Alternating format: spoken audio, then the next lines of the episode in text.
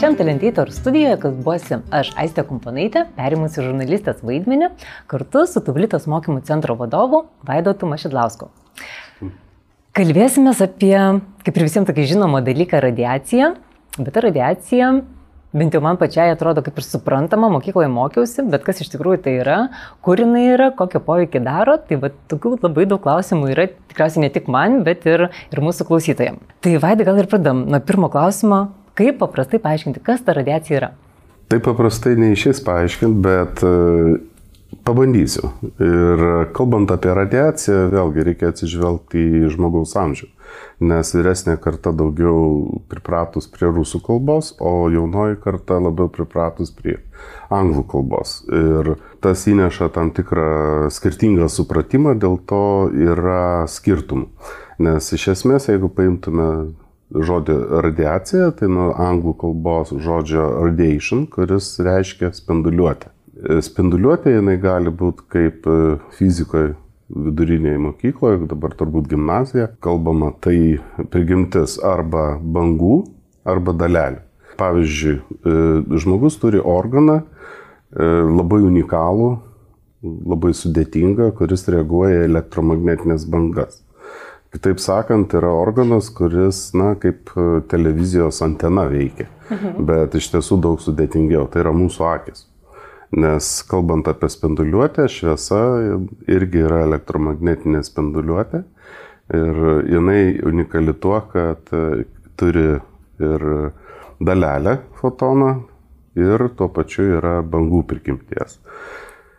Jeigu kalbam apie e, tą spinduliuotę, kurio žmonės bijo, tai yra jonizuojančioji spinduliuotė, nes e, pats spektras spinduliuotės yra E, labai platus. Tai ir, ir televizinės bangos, ir radarai, ir tame tarpe tai, nuo ko įdega mūsų oda, pakeičia spalvą, jeigu taip tiksliau kalbėt, mhm, tai ultravioletiniai spinduliai, e, šiluma irgi infraraudonieji spinduliai, visa tai yra spinduliuotės. Bijoti reikėtų, na vėlgi, tas bijoti tai tada, kai jos daug. E, iš tiesų, tos jonizuojančios spinduliuotės, kuri gali pakengti, e, yra visur. Ir jinai yra aplink mus. Ir Lietuvoje kiekvienas gyventojas gauna tam tikrą dozę, tai maždaug yra apie 2,63 milisiverto. Tai tikrai yra nedaug.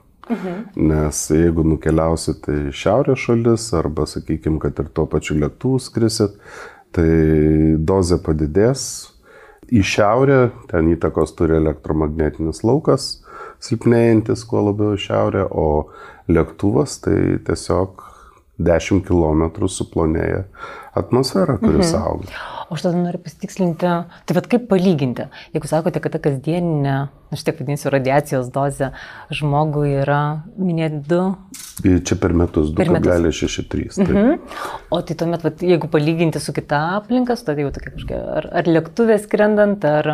Ten šiek tiek daugiau, priklauso mhm. nuo to, kiek mes laiko esame būtent mhm. toje aplinkoje, nes uh, praktiškai kiekviena spinduliuotė priklausomai nuo galios ir nuo kiekio, mhm. jin gali būti pavojinga, nes, sakykime, jeigu ta pati šiluma žiemą, valio gerai. Taip. O, sakykime, iš ko gaisrai, mhm. tai irgi ta pati šiluma, karštis. Taip kad e, Ir su radiacija taip pat. Su radiacinė, su, su jonizuojančia spinduliuotė lygiai tas pats. Supratau. O jeigu dar vis tiek tada grįžti prie to klausimo, tai kodėl mes vadiname jonizuojančią spinduliuotę radiaciją? Mhm. Vyresnės kartos žmonės daugiau pripratę nuo tų laikų, kada rusiškai buvo radiacija. Mhm. Taip ir vadinosi. Ir ten nebuvo skiriama, ar čia yra spinduliuotė elektromagnetinės bangos kažkokios, kurios naudojamos televizijai, ar čia yra e, ta jonizuojanti spinduliuotė.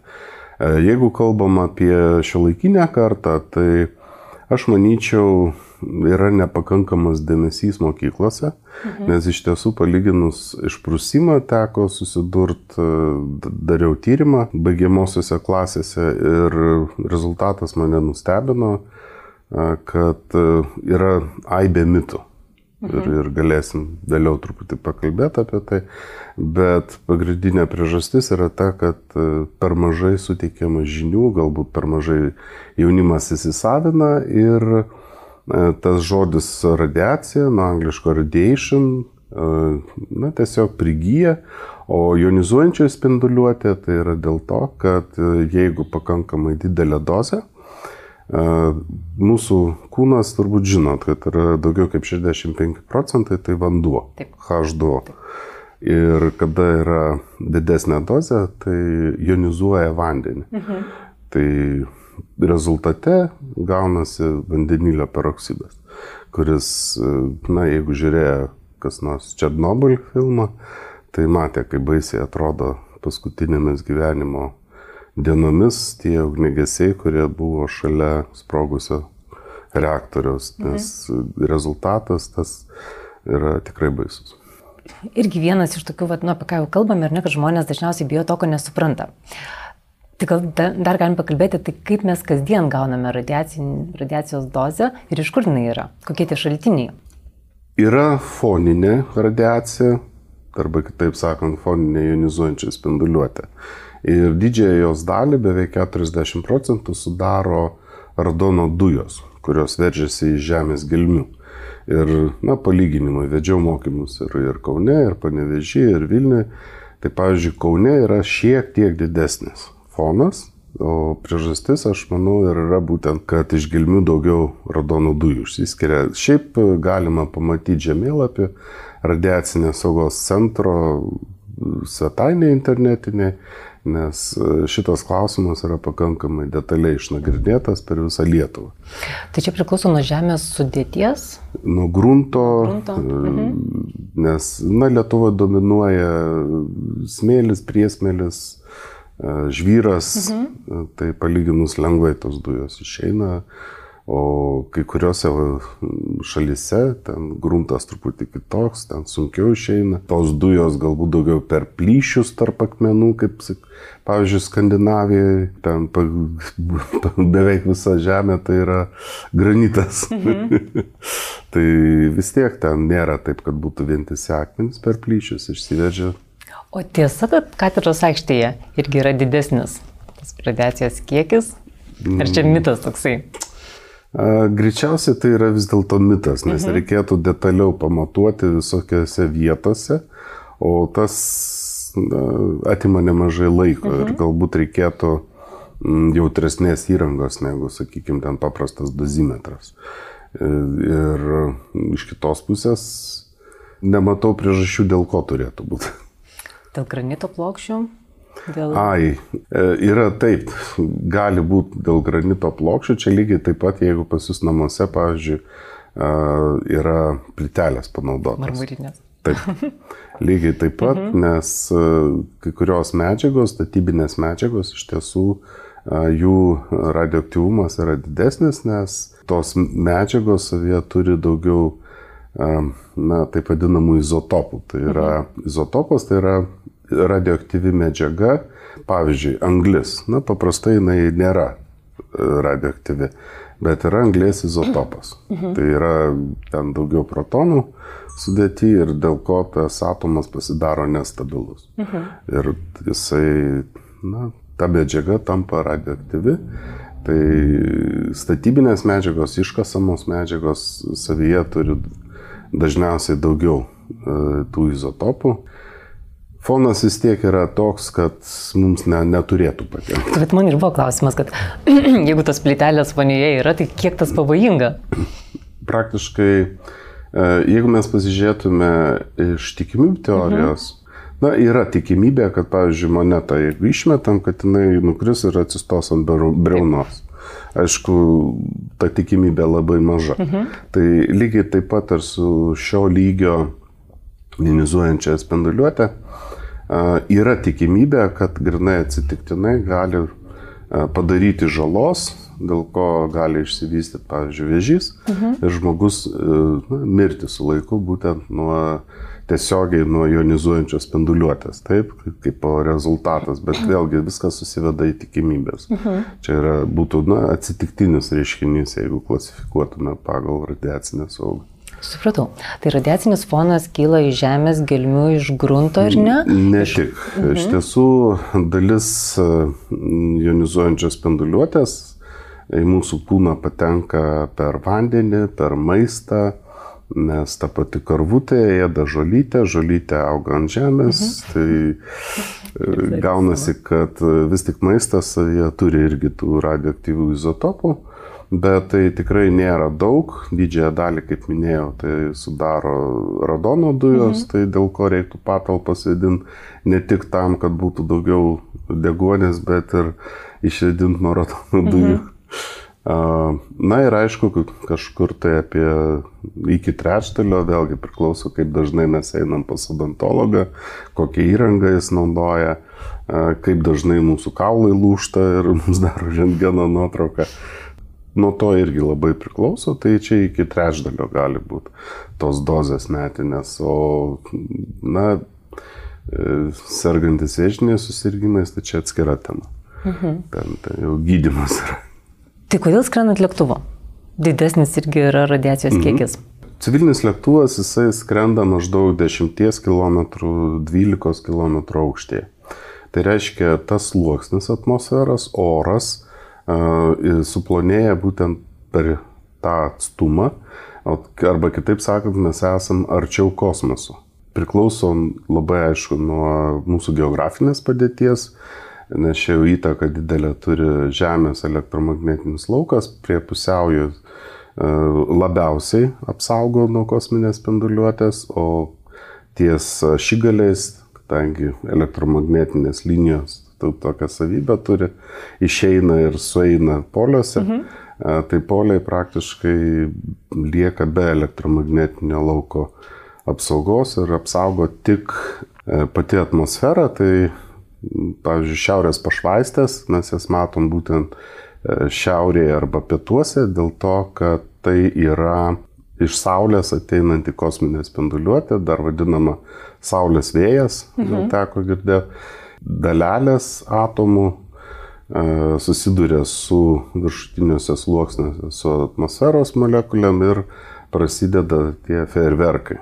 Tai iš tiesų, ką mes matom, tai yra kad e, jonizuojančią spinduliuotę, na, šiuo atveju daugiau galbūt sakyčiau kosminė, nes čia yra šiek tiek besiskiriantis mhm. dalykai. E, spinduliuotė veikia viršutinius atmosferos sluoksnius ir mes matom labai gražų vaizdą.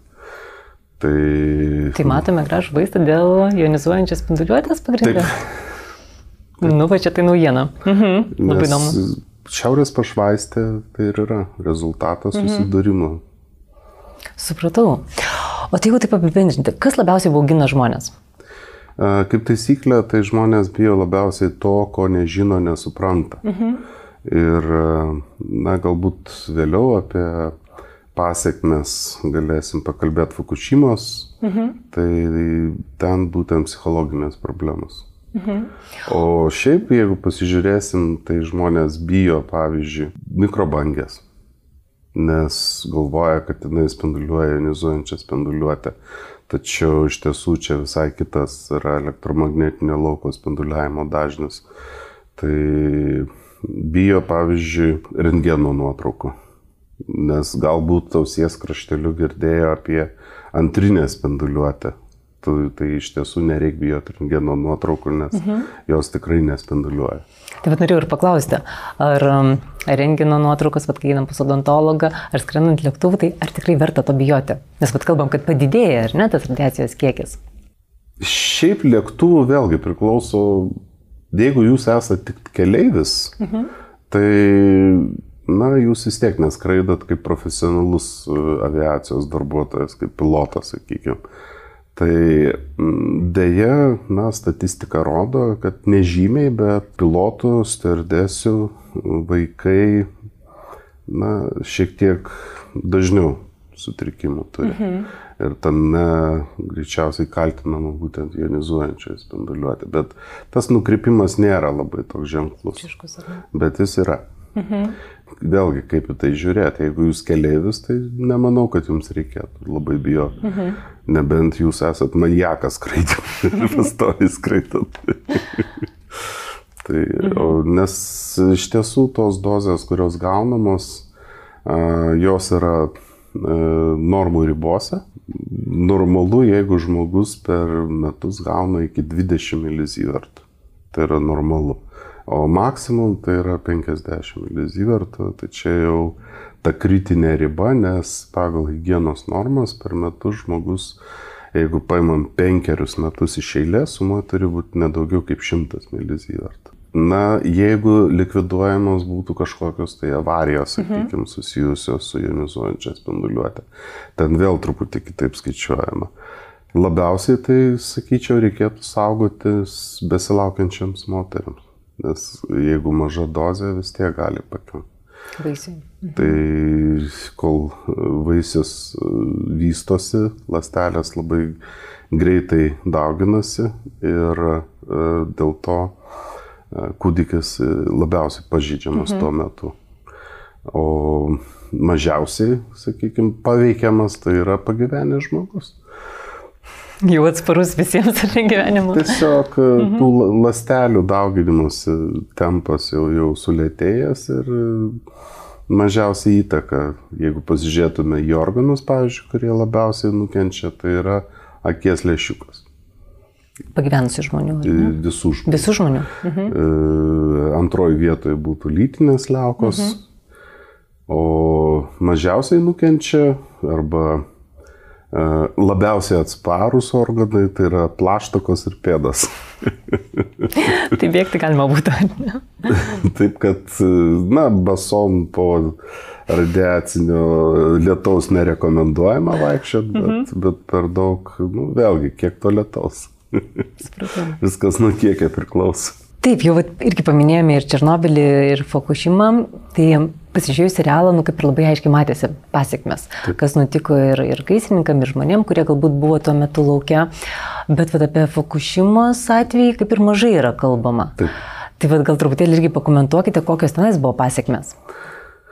Na, vėlgi ten gan didelė katastrofa buvo. Jeigu žiūrėtume, nuo ko žmonės nukentėjo, tai nukentėjo visų pirma tie darbuotojai, kurie buvo arti e, to suirusio reaktoriaus, o patys gyventojai pagal statistiką, tie žmonės, kurie evakuodamiesi arba iškart po evakavimuose žuvo, mirė, tai iš tiesų jie 90 procentų šių žuvusių mirusių žmonių yra žmonės virš 60 metų. Mhm. Kitaip sakant, tai yra ne dėl jonizuojančios spinduliuotės, o dėl savo amžiaus, dėl savo sveikatos būklės žmonės vyresnio amžiaus tiesiog na, neišlaikė mhm. tų, tų pokyčių, tų kelionių, tų sąlygų.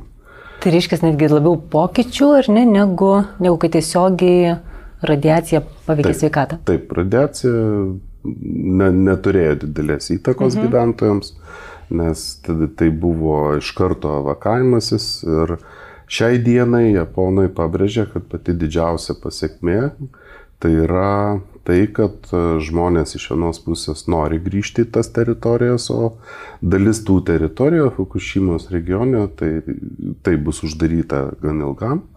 Bet pats baisiausias dalykas tai yra patys žmonės. Tai jie stresuoja, depresija, nori grįžti savo gyvenamą vietą, o moteris tai labiausiai stresuoja dėl to, kad e, nežino, nesupranta tų vienetų. Mhm. Ir, na, natūralu, kad e, moteris domisi galimybę turėti vaikų ir kada nesupranta, kas ir kaip su ta jonizuojančia spinduliuotė, tai, kaip minėjau, žmonės labiausiai bijo to, ko nesupranta, nežino ir, ir norėtų vaikų turėti, bet bijo galbūt jie gavo tą jonizuojančios spinduliuotės kažkokią dozę.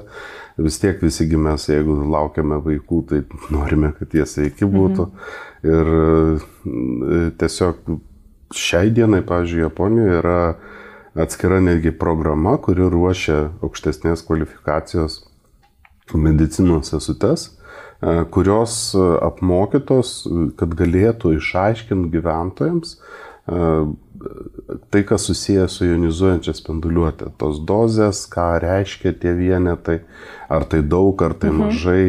Nes, kaip minėjau, e, natūralu, kad yra tas natūralus fonas, O iš kitos pusės žmonės, kai nežino tų vienetų, tai ir gaunasi tokia situacija, kad na, nesupranta grinai kaip toks anegdotas yra iš mano vaikystės, kad sėdi lėktuvo kabinoje du žmogeliukai, vienas klausė kito prietaisai. Mhm. Pasižiūri du, sako, ką du, o ką prietaisai. Tai tiesiog tas, na, mhm. kai žmonės nesupranta, tie skaičiai jam nieko mhm. nesako. Tai va čia taip labai natūraliai ir perėjom prie klausimo, tai bet kodėl paprastam žmogui, ar ne, kuris galbūt visai netoje srityje dirba, kodėl jam yra svarbu žinoti apie radiaciją ir kodėl svarbu žinoti tos vienetus?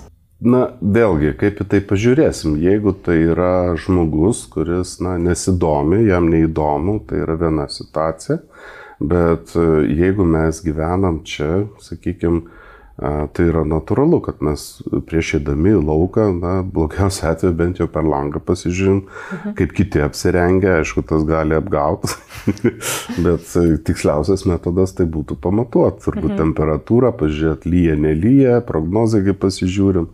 Tai lygiai tas pats yra ir apie jonizuojančią spinduliuotę, tas supratimas, kad jeigu aš einu, sakykime, pas odontologą, tai vėlgi priklausomai nuo to, ar ten odontologijoje ten vienas dantis bus peršviestas, ar tai bus e, panoraminė nuotrauka, dozė jau gerokai didesnė. Mhm. Jeigu kompiuterinis e, tomografas, tai dar didesnė Taip. dozė. Ir, pavyzdžiui, vienoje vietoje mane sužavėjo odontologijos kabinetas ir reklama. Mes turime kompiuterinės tomografijos prietaisą. Nu, maždaug išvertus į žmonių mhm. kalbą, tai gautųsi, va, mes galim jūs kaip reikiant pačirškint. Tokias mhm. na, keistas reklamas, kai supranti, kas prie ko.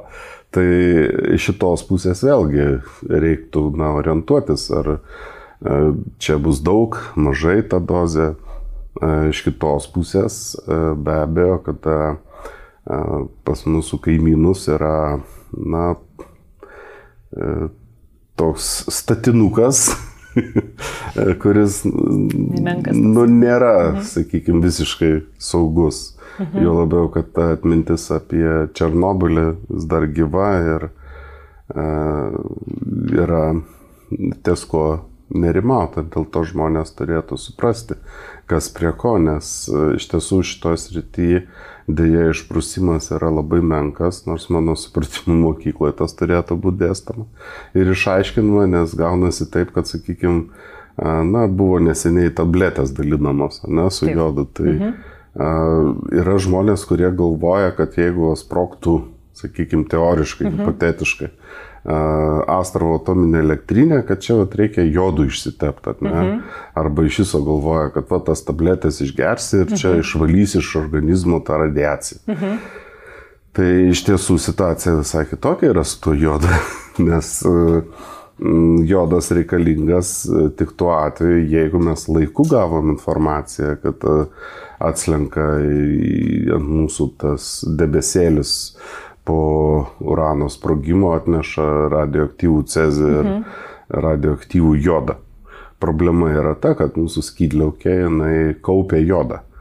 Ir jeigu mes neužpildysim skydliaukės e, saugiųjų, saugiųjų kuris mhm. neradioaktyvus jodas, Tai kada atkeliaus tas debesėlis, o sakykime, na, jeigu vėjas pūstų, na, vėlgi kalbam hipotetiškai, taip, taip. aš tikrai mhm. nenoriu tam gazdinti.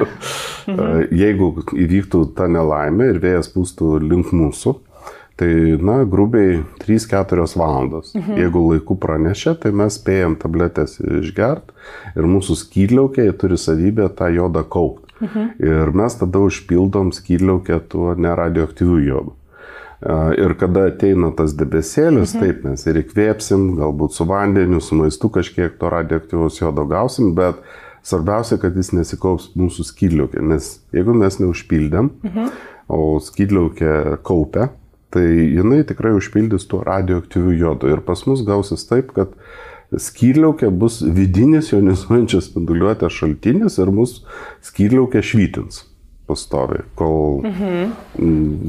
nenusilpstas. Tai mes čia taip bandytumėm tada apgauti, ar ne iš anksto? Iš anksto taip, mhm. bet vėlgi reikalavimas yra tas, kad laiku praneštų. Taip. O patirtis rodo tiek Černobylio, tiek, sakykime, klausimas, ar, ar tas režimas jisai iš karto informuotų ar bandytų nuslėpti sprogimą. Tai, sakykime, jeigu jau praėjo tas laikas, kada mes galėjom išgerti tas tabletės, Tai geriausia ne kur nors bėgti, o tiesiog pasislėpti, kol tie debesis praeis. Bet aš dar vis tiek dar noriu grįžti prie tų tablečių. Nu, bet jeigu pavėluojame ir per vėlai išgirstame, tai ar gerti tas tabletės, ar jau nebegerti? Toks praktinis labai. Viskas labai priklauso mhm. iš tiesų nuo to, kiek jau jūsų skydliaukė sukaupė. Mhm. Nuo to, kad e, jūs gersite, tai, na, abejoju, kad blogiau būtų, mhm. nes gali būti tokia situacija, kad dar neužsipildė, tai bent jau kažkiek tai kompensuos. O jeigu užsipildė, tai, nu ką, perės per organizmą tas jodas, bet noriu atkreipdėmėsi į, į tai, kad ten jodo kiekiai yra tokie nedideli, kad e, jeigu kam nors kilo mintis e, paimti iš buteliuko atsigerti jodo, tai to jokių būdų daryti negalim. Nes nu, gali mirtimi baigtis mhm. toks dalykas. Tai... Tai dabar vis tiek, nu, Vilniui tai tikrai labai daug kas jau turi tas jodo tabletės, Taip. kiek dar jas galima laikyti stalčiuje, kiek čia mes nu, turim būti pasiruošę. Na, ES yra tokia nuostata, mes privalom vadovautis gamintojo nurodymais. Mhm. Tai iš tiesų ant pakuotės yra nurodytos datos ir kokiam sąlygom laikyti. Mhm. Mes turime laikyti būtent tokiam sąlygom sausai, tiek, kiek nurodyta ant pakuotės. Ir nurodytos vėlgi tam lapelį mhm. dozės ir priklausomai nuo amžiaus, kūdikiui viena dozė, vaikui kita, suaugusiam kita. Mhm. Tai reikia ir į šitą dalyką atsižvelgti. Bet šiaip, kaip suprantu, rekomendacija būtų, kad net jeigu ir pasibaigia laikas, atsinaujinti ir vis dėlto turėti. Ne? Uh, šiaip tai rekomenduotina be abejo turėti su savimi ir jeigu jau kalbam apie tą galimą avariją, tai norėčiau atkreipti dėmesį į kitą uh, vėlgi saugos sritį, tai yra civilinė sauga, mhm. Kuri irgi iš dalies persidengia šito klausimu. Ir rekomenduojama bent jau penkiom parom turėti vandens, maisto, vaistų ir, na, netgi toks elementarus dalykas, kad jeigu jūs nuvažiuojat su savo automobiliu kažkur tai sodybą, pas draugus, į mišką ar dar kažkur, mhm. tai pasirūpinkit, kad iš karto užpildytumėt degalus. Nes mhm. kas bus, jeigu, sakykime, kad tai vyksta kažkokia nelaimė, nebūtinai su atominė elektrinė, bet, e, sakykime, ta pati vietra ar dar kažkas. Mhm. Tai Ką jūs darysite, ar kaip jūs galvojate, degalinėse jūs galėsite užsipildyti degalais? Aš to bejoju. Nu, čia, čia tiesiog, na, norėčiau atkreipdėmėsi mhm. į kai kurios dalykus, kurie taip atrodo e, nereikšmingi, mhm. bet būtent kritinė situacija tai yra svarbu. Supratau. Nu, čia toksai vat, patarimas visiems. Taip. Ar ne, tai toksai kasdieninis. Ir, pavyzdžiui, su mhm. maistu irgi žmonės, e, kai klausi, nu, ką reikėtų tom penkiom dienom. Makaronai, miltai, mhm. gerai, o jeigu nebus ant ko ruošti. Mhm. O kaip tik reikia, kad būtų konservai, lengvai atidaromi ir iškart valgom. Na, nu, bet irgi labai geras patarimas. Nes tikrai visi, čia ir dabar pandemija, kai prasidėjo, ar ne, tai pirko makaronus, grikius, ar ne, kruopas. Mhm patirties galbūt trūksta. Mhm. Galų gale čia žinoma, parodo na, mano nuomonė, kad na, mokyklose nepakankamai dėmesio šitiem klausimams skiriama. Tai bet ir noriu irgi jau pereiti prie jūsų tyrimo mokykloje. Taip. Mane labai nustebino rezultatas, kai pasirodo e, dvyliktokų daugiau kaip pusė mano, kad mikrobangė krosnelė spinduliuoja ionizuojančią spinduliuotę. Ir pagal kursą pas juos 12 klasėje jie kaip tik kalbėjo apie tą jonizuojančią spinduliuotę, aišku, ten nelabai daug, bet vis tiek žmonės tiki tokiais mitais. Mhm. E, nežino apie tų jodo tablečių e, paskirti gerai, nors tiek, kad beveik visi žino, kas, kas yra Černobylis. Nu dabar jau tikrai ir ne, pasirialo. O kalbant mhm. iš e, techninės pusės, tai tas serialas iš tiesų Aš jį gerbiu autorius už tai, kad iš techninės pusės ten pakankamai viskas tiksliai. Teisingai, ar ne? Nes iš tiesų, kada tenka žiūrėti filmus susijusius su technika, aviacija ten ir kitais dalykais, tai ten kartais, na... Iš fantastikos ryties, ar ne? Būna įdomių dalykų. Supratau.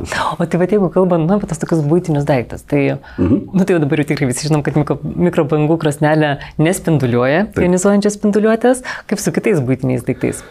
Žmonės vėlgi iš nežinojimo e, gali patekti keblę padėti sendaikčių turguose mhm. arba pavyzdžiui nuėję kažkur tai antikvarinę parduotuvę, kur labai gražus indai. XIX amžiaus pabaigoje, XX pradžioje dalis indų e, buvo dažoma specialiais dažais. Na, aišku, tada dar nebuvo to supratimo apie jonizuojančią spinduliuotę. E, o tie dažai labai tokie ryškus, gražios spalvos. Pasirodo, taip yra dėl to, kad jų sudėtyje yra radioaktyvių izotopų. Kitaip sakant, e, žmonės atsiveža tas lėkštes, mhm. indus kitus, kurie tikrai labai gražus, internete galite paieškoti tokių indų nuotraukų. Ir iš jų valgo, tai klausimas, ar iš viso šalia to indo yra sveika būti. Mhm. Tai yra vienas aspektas. Kitas aspektas tai yra nemažai žmonių, kurie kolekcionuoja prietaisus susijusius su karyba. Pamiršta apie tai, kad, sakykime, Sovietų sąjungoje, pavyzdžiui, aviaciniai prietaisai, kad ir tie patys laikrodžiai uh, iš povandeninių laivų Vėlgi daug kas sako, va, ten tamsoji, tas fosforas šviečia, bet e, klausimas, o kodėl tie laikrodžiai, tie prietaisai tamsoji taip ilgai šviečia? Mhm. Todėl, kad tos, to fosforo sudėti irgi yra izotopai ir reikia būtent, kad ciferblatą matytų. Ir jeigu ten toks, sakykime, laikrodis šalia pagalbės, Mm, klausimas, kaip tai atsilieps tam savininkui. Kaip įdomu. Tai čia tokie, va, atrodo, nekalti dalykai, Taip. ar ne, ir jie. Taip, ir iš radiacinės saugos centro inspektoriai laikas nuo laiko per sendaikčių turgų su mhm. dozimetru pereina. Tiesiog patikrinti, ar ne? Tiesiog mhm. pasižiūrėti, kokia situacija. Galų gale netgi, sakykime, dalis žmonių net nežino, kad kada atskrenda lėktuvu, vienoje vietoje yra tokie, na, kaip vartai specialūs. Mhm. Ir atrodo, nei, nei patikros, nei žmonių aplinkui e, pareigūnų nėra, o ten atsidaro, po vieną žmogų įeina, tokia kaip stiklinė kabina, mhm. praėjai ir viskas. Net, nu, nesusimasto, čia būtent yra tie vartai, kurie matuoja, ar žmogus su savim neneša jonizuojančią spinduliuotę šaltinio, pavyzdžiui, na, kaip taisyklė, tai yra tie šaltiniai, kurie spinduliuoja rentgeno ir gamą spinduliuotę. Čia ir yra tie davikliai, kurie sureaguoja ir, ir būna nemažai, jeigu kas na, domisi, žiūri žinias laiks nuo laiko, parodo, kad ten su laikroduku, ten žadintuvas atrodytų paprastas, ar ne, o ten pasirodo jisai kažkodėl tai gamos spinduliuotė spinduliuoja, todėl kad dažai panaudoti mhm. tam ciferblatai. Bet o kaip su tais bananais? Nu, kad vat, irgi toksai mitas, kad bananai nu, toks vienas iš radioaktyviausių vaisių. Šiaip viskas priklauso nuo to, kur auga tie bananai.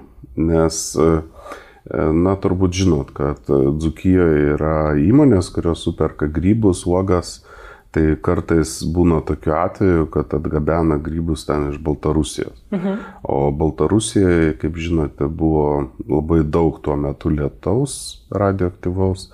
Ir tas radioaktyvus cezis, jisai ir medžiuose yra ne vienas sąstatas su mediena, e, kuri spinduliuoja būtent rengeno spindulius buvo gražintas atgal Baltarusiją, tai lygiai taip pat ir su tais grybais. Mhm.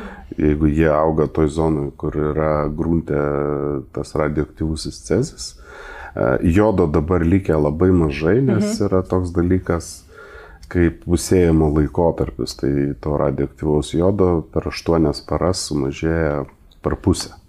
Tiesiog jisai, nu, suskyla į kitas medžiagas. Radioaktyvusis cezis, tai ten jau tūkstančiai metų. Mhm. Palėtėme temą apie mitus, tai vat, irgi vienas iš mitų yra, kad e, su radiacija susiduria tik atominės elektrinėse dirbantis asmenys. Tai kaip, kaip pats to? Oi ne, čia kaip. E, jie turi daviklius, kurie matuoja, dažniausiai tai yra dviejų tipų. Vienas yra kaupiamasis, ten matuoja, pavyzdžiui, tris mėnesius kaupia informaciją.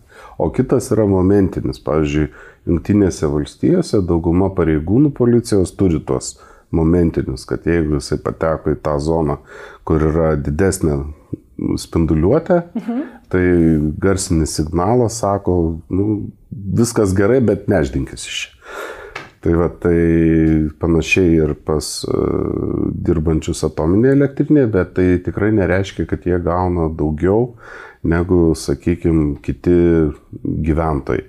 Nes jeigu žmogus, sakykime, dėl kažkokių tai lygų, jisai uh, gydosi, tai, tai sakykime, naudojamos irgi būna ir jonizuojančios tos spinduliuotės šaltiniai. Uh, Aišku, na, kartais būna pažįstamas vienas nustebo, sako, o kodėl man gydytojas liepė su žmona, kad va, dvi savaitės negalim kartu vienoj lovoj mėgo. Mhm. Nu, taip, sakau, palapus, tai organizme, tu, tai, tai dar yra tos medžiagos.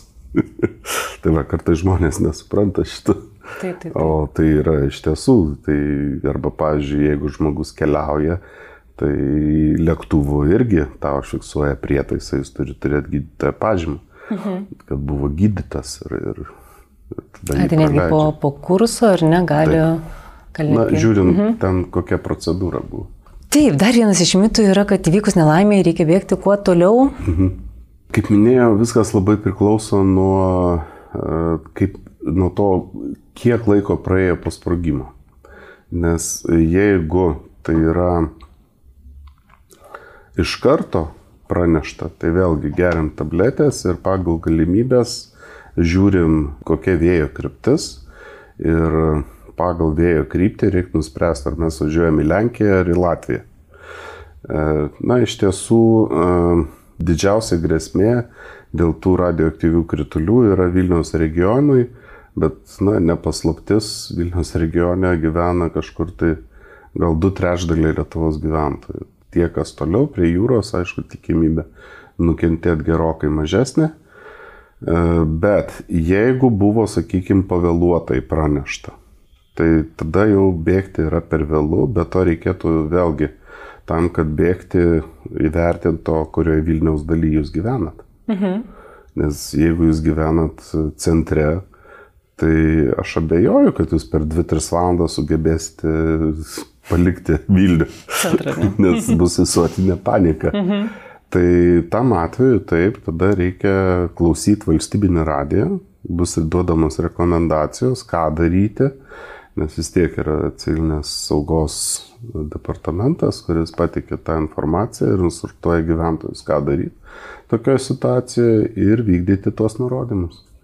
Ir jeigu buvo pavėluota, tai aišku geriausia kol tie krituliai radioaktyvūs praeis, uh, užsidaryti namuose, mes jau susitarėm, kad jūs turit penkiom dienom, ar ne, atsargų. Taip, vandens. Ir, na, užklijuoti mhm. orlaidės ten, kad pagal galimybės iš, iš išorės tas oras kiek galima mažiau patektų, mhm. nes vis tiek ore ten radioaktyvios tos medžiagos. Bet vėlgi iš kitos pusės, kiek jūsų tam būte gyvena tam kambarį, mhm. tai žmonėsgi kvepuoja tą degonį, iš kur tą degonį paima. Mhm. Taip kad klausimas nu, nėra toks labai paprastas. Mhm. Nes vis tiek laiks nuo laiko, reiškia, iš kažkur tai turėsite tą orą gauti. Taip, taip. Nes irgi pagalvoju, taip iš karto apie rekuperatorių, liktai pirmą mintis išjungti ar ne, o taip. ką paskui? O paskui kas. Mhm. Taip, kad iš tiesų klausimas yra pakankamai sudėtingas ir nėra labai priklauso būtent nuo kiek praėjo laiko nuo to, jeigu įvyktų tas mhm. sprogimas. Na, iš kitos pusės aš norėčiau nuraminti, kad jeigu kas nagrinėjatės yra taip vadinama vėjų rožė, nu, per metus ten mhm. sudėta, kiek e, buvo vėjo į kurią pusę. Mhm. Tai iš tiesų tikimybė, kad vėjas bus į Vilniaus pusę, e, na, pagal viską vėjas iš, į mus pučia iš Astravo mažiau kaip pusę metų. Jeigu kažkas įvyktų, mhm. pakankamai maža tikimybė, bet vėlgi teko turbūt per žinias girdėti, kad ten statant pažeidimai. Taip, taip. Tai, tai Paleidus irgi. Neramina iš tiesų. Mhm. E, kitas dalykas, tai kokia tikimybė, kad vėjas bus į mūsų pusę. Mhm. Tai, tai daug kas nuo to priklauso ir iš tiesų aš siūlyčiau nerimau pradėti tada, kai kažkas atsitinka. Iš anksto nerimau, tai tiesiog sveikatos mhm. gadinimas. Tai vad galima galbūt irgi dar prieiti prie vienos temos. Jūs vienas pirmųjų pasižiūrėjote mūsų ruoštą radiacinės saugos mokymą. Kaip jūsų vertinimas?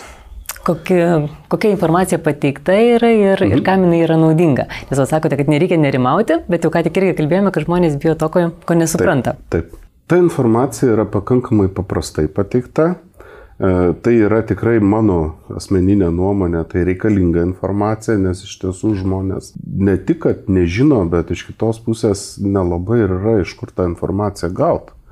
Tai aš manyčiau, kad čia va, būtent ir yra tas vienas iš tokių šaltinių, e, kad galima būtų paprasto nespecialisto lygyje pasižiūrėti, kas prie ko ir susidaryti tą bendrą vaizdą, iš, išsklaidyti mitus ir e, suprasti, ko reiktų bijot, ko ne.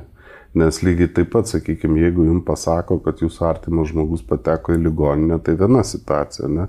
Bet jeigu jums pasako, kad, nu, ranka lūžo, va gipsą uždėjo, tai paleis, jau visai kitaip reaguoja. O kol buvo nepa, neaišku, kas atsitiko, tai va, aš sakyčiau, čia panaši situacija. Mhm. Kai žmonės nežino, kas prie ko, kodėl tai tas tikrai gazdina. O kada pradedi suprasti, kad visų pirma yra tas fonas, ionizuojančios spinduliuotės, na, reikia priimti, kad taip yra. Ir lygiai taip pat, kaip minėjau, su, su šiluma, ar ne, tai yra tai, kas normalu, nes norisi, kad žiemą šilumas būtų. O visai kas kita, jeigu to karščio tiek, kad užsidega. Tai čia praktiškai mes kalbam apie tą patį. E, tai mes daug kalbėjom apie tai, kas ta jonizuojanti spinduliuotė ir kadangi aš dėstu apie radiacinę saugą, man pasidarė labai smalsu. Aišku, iš vienos pusės labai džiugu, kad kažkas atsirado, kas apie tai kalba, iš kitos pusės smalsu, o kaip ta mintis jums kilo? Sukurti mokymą apie radiacinę Taip. saugą. Um, iš tikrųjų, ta istorija buvo tokia, kad um, tiesiog vienu pietų metu su kolegom bekalbėdami, Nes tiek apie Astravą labai daug įrašo, ir laidų yra, ir straipsnių. Nu tai vad prasidėjo kažkokios diskusijos. Tai kas čia būtų, čia baisu, nebaisu ir panašiai. Ir tiesiog prieėm prie tos išvados, kad bet mes tai nesuprantame. Tai ar čia baisu, ar nebaisu, tai kas čia būtų, kaip vat, nu, jūs dabar kalbėjote apie vėjus, apie rožės, apie kažką tai nežinome. Ir pradėjom žiūrėti, o tai vad kur reikėtų surasti informacijos. Yra radiacinės saugos centras, jie tikrai yra parengę daug ir leidinukų, ir visokių straipsnių, ir visą kitą. Ir informacijos yra tiek daug, kad ten pradėjus domėtis viena tema, nu tu ten nueini gilin, gilin, gilin, bet tokio vat, bendro vaizdo, nu tokio, kad vat, būtų paprastas bendrinis supratimas, bet jo nėra. Tai taip mums kilo mintis padaryti mokymą kuris būtų įdomus įvairiaus amžiaus žmonėms. Nuo moksleivių iki vyresnio amžiaus ir seniorų su tokiam baziniam žiniom, iš galbūt šiek tiek teorijos, tai kas yra ta radiacija, iš kur jinai yra, kokie šaltiniai ir kad nebūtinai tą reikia žinoti vien dėl to, kad astravas yra šalia. Bet vat, kaip ir jūs minėjote, kad nu, tiesiog reikia bendrai suvokti aplinkoje, kokie yra daiktai, jie spinduliuoja radiaciją, nespinduliuoja, tai va tos plytelės voniojo, šiek kingsmingos, nekingsmingos ir, ir panašiai.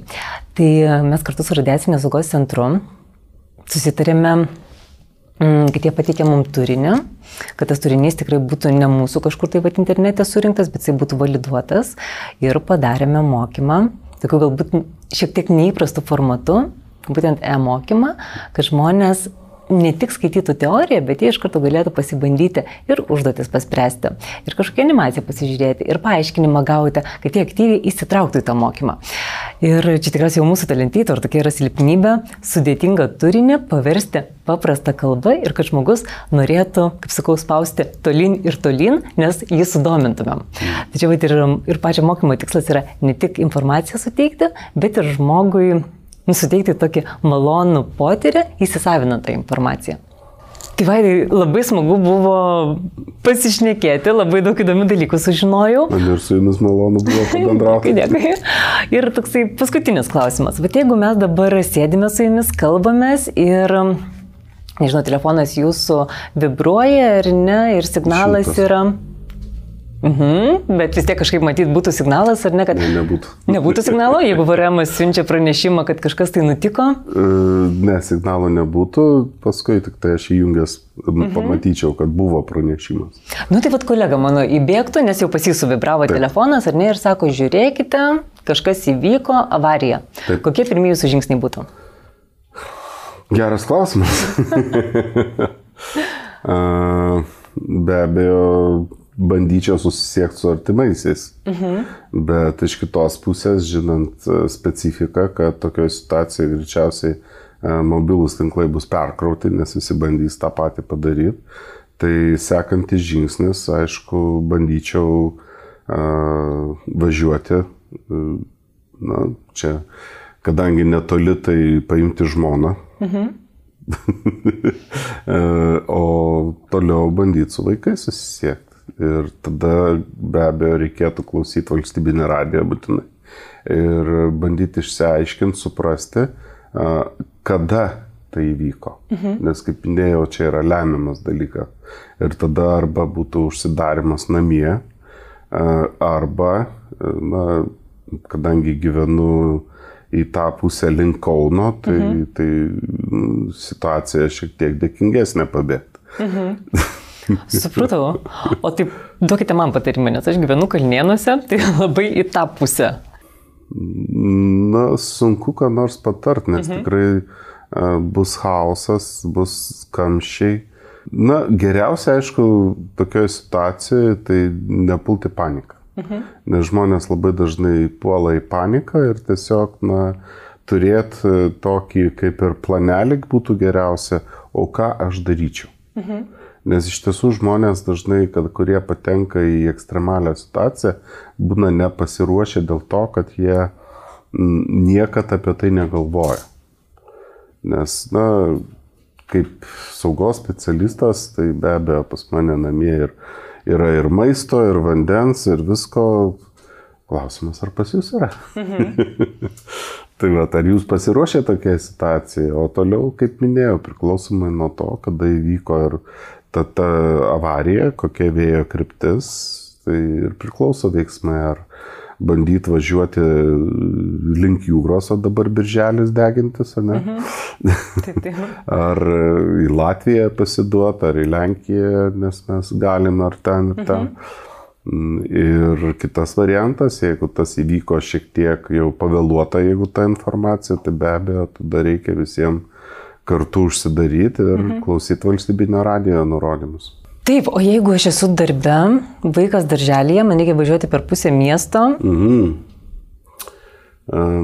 Taip, tada situacija labai neteikinga.